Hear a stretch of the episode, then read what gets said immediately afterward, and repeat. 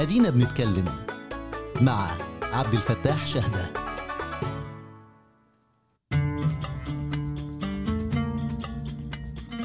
السلام عليكم أصدقائي الأعزاء.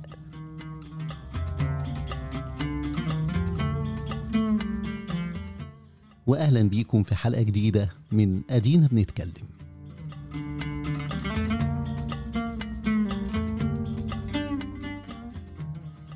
من عدة سنوات كان عندي طالبة أجنبية بتتعلم اللغة العربية في مصر ودار بينا حوار حول قضية القضاء والقدر. وكان سبب هذا الحوار إنها كانت زارت أحد المصانع المصرية وفوجئت إن في كتير أو مش عارف ممكن نقول بعض المهندسين والفنيين في في المصنع ده مش لابسين الخوذة. ولما اتناقشت مع أحد المهندسين عن سبب عدم لبسه للخوذة وإنه إزاي مش خايف على نفسه كان رده إن إحنا عندنا في الإسلام حاجة اسمها قضاء وقدر. وقعد يشرح لها يعني إيه قضاء وقدر وإن لبس الخوذة مش هيقدم ولا هيأخر لأنه في النهاية كله مكتوب.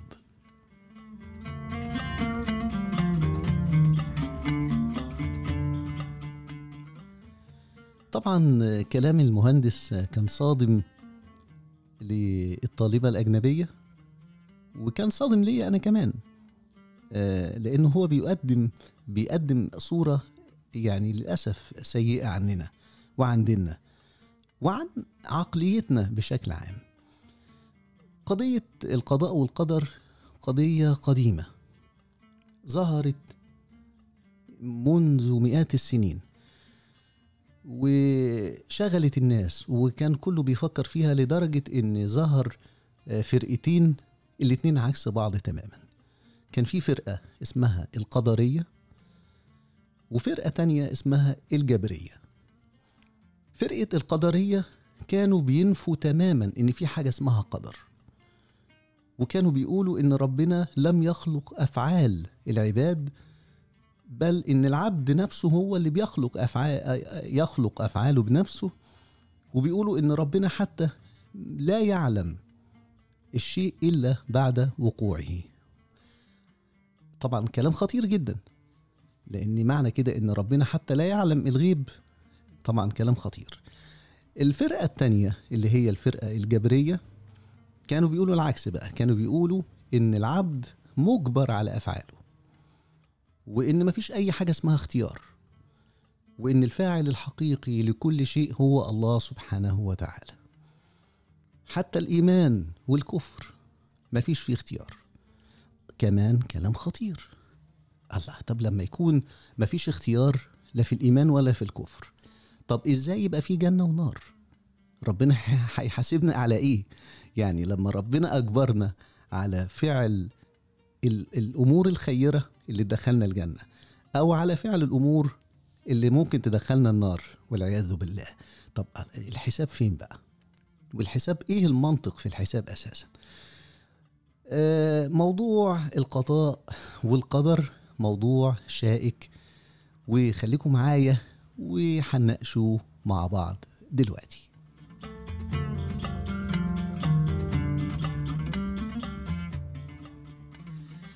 هنحاول بسرعة نفهم موضوع القضاء والقدر مع إني طبعا حريص في حلقات أدينا بنتكلم إني ما احولش إلى حلقات لمحاضرات يعني أنا مش مش عايز أسرد الكثير من الآراء. وأقوال العلماء عشان ما تتحولش محاضره فعشان كده هنختار رأي للشيخ الشعراوي رحمه الله هذا الرأي في يعني أعتقد إن هو من الآراء المعتدلة جدا وال... والمقنعة جدا في قضية القضاء والقدر. اولا لازم نعرف إن العلماء اختلفوا حوالين القضاء والقدر من ناحية المعنى. يعني في فريق بيقول إن هما الاتنين حاجة واحدة وفي فريق تاني بيقول لأ مختلفين. والشيخ الشعراوي من الفريق التاني اللي هو شايف إن هما مختلفين عن بعض. في رأي الشيخ الشعراوي حسب كلامه إن القضاء هو ما يقتضيه الله. ولا دخل لك فيه كالمرض والموت مثلا. يعني أي حاجة خارجة عن إرادتنا زي الحاجات الكبيرة اللي ممكن تحصل للإنسان. لا قدر الله واحد حصل له حادث واحد أصيب بمرض معين واحد توفاه الله. هذه الأمور تدخل في القضاء. أما القدر فهو اختيار. طيب اختيار إزاي؟ وليه اسمه قدر؟ اسمه قدر لأن الله سبحانه وتعالى يعلم مسبقا ما سيحدث لأن الله يعلم الغيب. إذا القضاء أمور حتمية ستحدث لا محالة لا إرادة لنا فيها. لكن القدر فيه اختيار. طبعا الكلام ممكن يكون آه، غريب شوية لكن أنا لما سمعت آه، رأي الشيخ الشعراوي تذكرت حديث للرسول صلى الله عليه وسلم بيقول لا يزيد في العمر إلا البر ولا يرد القدر إلا الدعاء. معنى الحديث إن الإنسان ليه عمر لكن الزيادة في العمر ربما يكون المقصود البركة الله أعلم تأتي بعمل البر. والجزء اللي اللي يهمنا هنا اللي ليه علاقة بالقضاء والقدر ولا يرد القدر إلا الدعاء. استخدم الرسول صلى الله عليه وسلم كلمة القدر. لم يستخدم كلمة القضاء.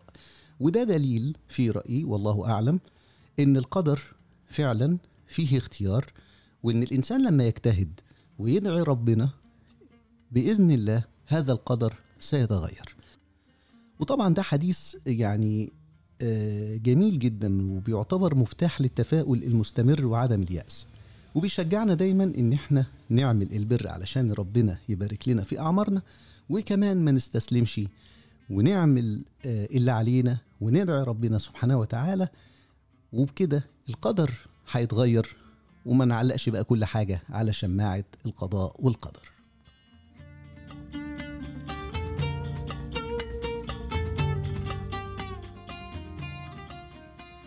لكن يأتي السؤال المحير.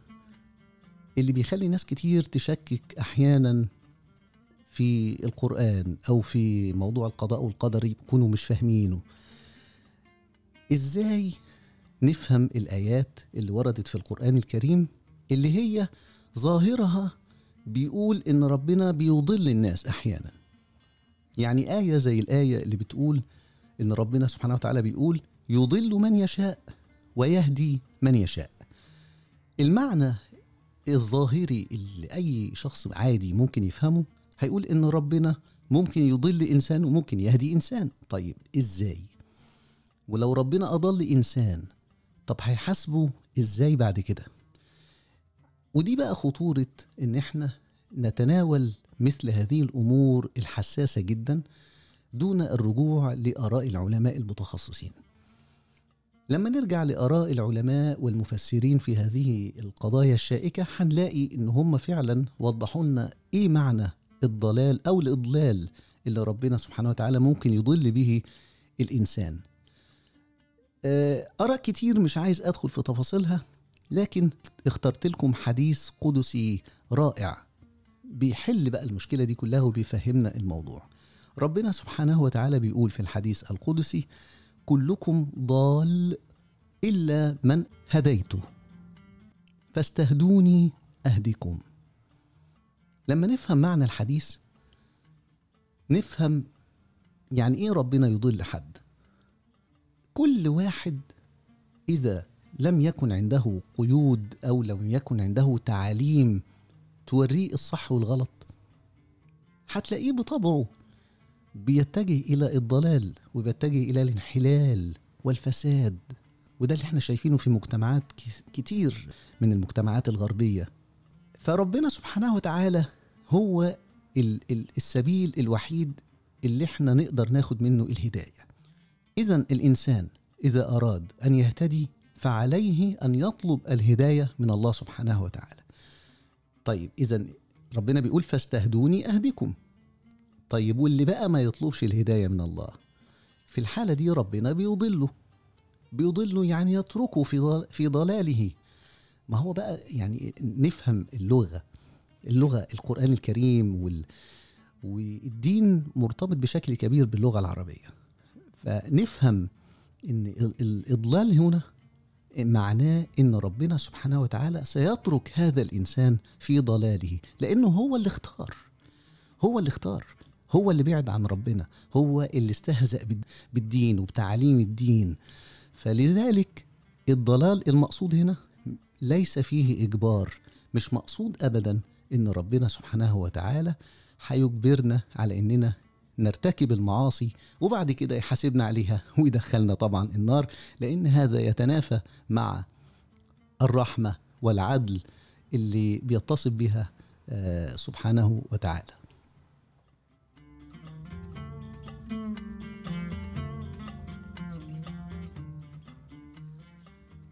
طيب إيه الخلاصة؟ نفهم القضاء والقدر إزاي. لازم نتفق اولا إن إحنا ما نقدرش نلغي تماما القدر لأن كل الشواهد بتقول إن في حاجات كتير بتبقى خارجة عن إرادتنا. يعني مثلا طالب كان بيذاكر بيذاكر طول السنة وبيجتهد وبيعمل كل اللي عليه وجه يوم الامتحان ربنا ابتلاه بمرض معين خلاه ما قدرش يروح. ده نسميه. إيه نسميه قضاء. قضاء الله. هذا قضاء الله. يبقى إذا ما نقدرش نلغي القدر. وفي نفس الوقت ما نقدرش نعتبر نفسنا إن إحنا مسيرين أو مجبرين. لأن ده في اتهام اتهام لله سبحانه وتعالى بالظلم. وهذا يعني حاشا لله لا يجوز في حق الله إن إحنا نتهم اتهام مثل هذا. إزاي ربنا سبحانه وتعالى هيجبرنا على أفعال فيها معاصي نحاسب عليها بعد كده يوم القيامة؟ الكلام ده لا يليق ابدا. فاذا الموضوع باختصار يا شباب يا إخواني يا أصدقائي الموضوع باختصار إن في أمور خارجة عن إرادتنا وفي أمور إحنا بنختار فيها. بشكل عام إحنا نقدر نختار كل حاجة. لكن أحيانا في أمور بتبقى ربنا كاتبها علينا بتحصل وصدقوني بيكون في النهاية فيها خير برضه وعسى أن تكرهوا شيئا وهو خير لكم. وأقول لكم بقى على السر اللي يريح دماغنا واللي يخلينا نرتاح من التفكير في القضية دي كلها. صلاة الاستخارة. والله سر عظيم سر عظيم فعلا. وجربته كتير وما زلت بجربه في كل عمل وفي كل قرار بحاول أتخذه. صلاة الاستخارة. صلاة الاستخارة دي بتخليك تشيل كل الهموم من على أكتافك لأنك بتاخد رأي مين؟ ده أنت بتستخير الله سبحانه وتعالى. ده إحنا لو استخرنا صديق أو إنسان عارفين إن هو عنده شوية حكمة أو ذكاء بنبقى مطمنين يعني إن أنا خدت رأي حد بيفهم. فما بالك بقى لما بتستخير رب العالمين. طبعا الاستخارة ب- مش معناها برضو إن أنا أتواكل وأسيب كل حاجة كده. لا أنا لازم آخد بالأسباب وسيبكم بقى من الكلام اللي بتسمعوه إن يصليها قبل ما تنام وهتحلم حلم كلام فاضي. صلاة الاستخارة معناها إن أنا آخد بالأسباب أعمل اللي عليا وبستخير ربنا سبحانه وتعالى وبمشي في الموضوع عادي جدا وأشوف هيوصلني لغاية فين وهي دي نتيجة الاستخارة. أنت مثلا يا أختي العزيزة لو جاي لك شخص عايز آه، يتقدم لخطبتك يعني وعايز إن هو يتزوجك لو أنت من البداية شايفاه لا يصلح خلاص ارفضيه.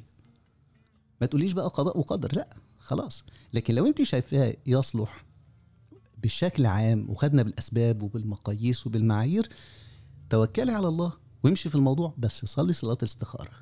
لأن أنت كده بتقولي يا رب أنا عملت اللي عليا وإنت بقى يا رب اختار لي اللي فيه الخير.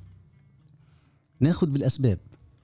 ناخد بالأسباب يعني المهندس اللي كان مش لابس الخوذة ده وبيعتقد إن هو كده متوكل على الله وإن كل شيء مكتوب ده غلط. وصدقوني لو أصيب ربنا هيحاسبه. الشخص اللي بيبقى راكب العربية ومش رابط حزام الأمان ويبقى ماشي على طريق سريع ويعرض نفسه للخطر ويقول أنا متوكل على الله لو أصيب أو جرى له حاجة ربنا هيحاسبه لأنه ما أخذش بالأسباب. أرجو أن يكون الموضوع آه، واضح وأن أكون ساعدتكم أن إحنا نفهم الموضوع موضوع القضاء والقدر ودايما بحاول نفتح مع بعض الموضوعات الشائكة اللي زي دي. وانتوا بقى إن شاء الله تدوروا وتبحثوا لمزيد من المعرفة حول الموضوع. شكرا لكم على حسن المتابعة وأشوفكم في حلقات قادمة إن شاء الله.